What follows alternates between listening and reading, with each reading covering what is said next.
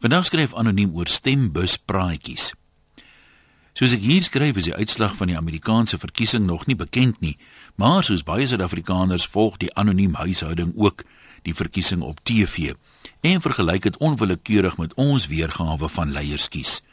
Dis nou as ek die term so losweg mag gebruik.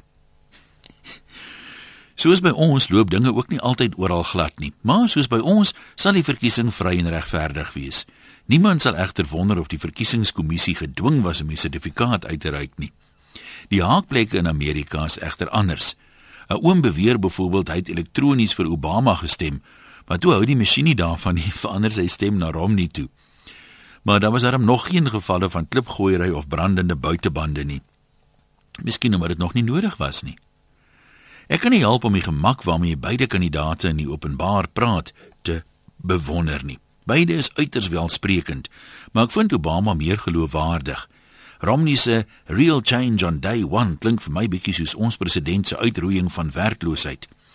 As ek so ver terugdink aan toesprake wat ek al deur die dekades by ons politici gehoor het, dan is redevoering nie eintlik 'n sterk punt in Suid-Afrika nie.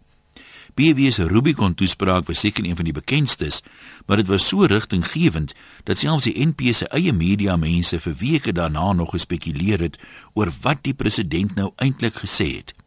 Op die ou end was dit wat hy nie gesê het nie van groter belang. Maar wat laat die mense nou eintlik stem vir 'n party?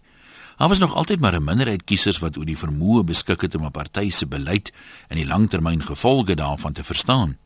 Hoekom anders as dieselfde mense vir dieselfde party bly stem, al het sy beleid so verander dat hy nou eintlik ook sê wat 'n ander party al lankal sê.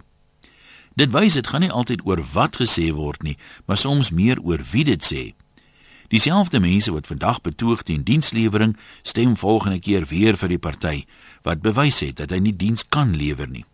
So daar is daarom ook iets soos misplaaste lojaliteit. Ons glo almal maar die maklikste, die goed wat ons graag wil glo, al is dit dikwels onrealisties. As jy werkloos is of sukkel om 'n bestaan te maak, dan klink Romney se beloftes van 12 miljoen werksgeleenthede en more take home pay net so mooi soos Malema se beloftes. Never mind hoe hy dit gaan doen. Ten minste sê hy dit goed. Ons verkiesing kom weer Nee, ek het gelees dit verkeerd. Ons verkiesings kom weer en wat 'n wonderlike geleentheid is dit nie om Afrikaanse spreekwoorde weer in herinnering te roep nie. Tog bly dit maar moeilik om te kies tussen 'n halwe eier en 'n leë dop. Groete van oor tot oor, anoniem.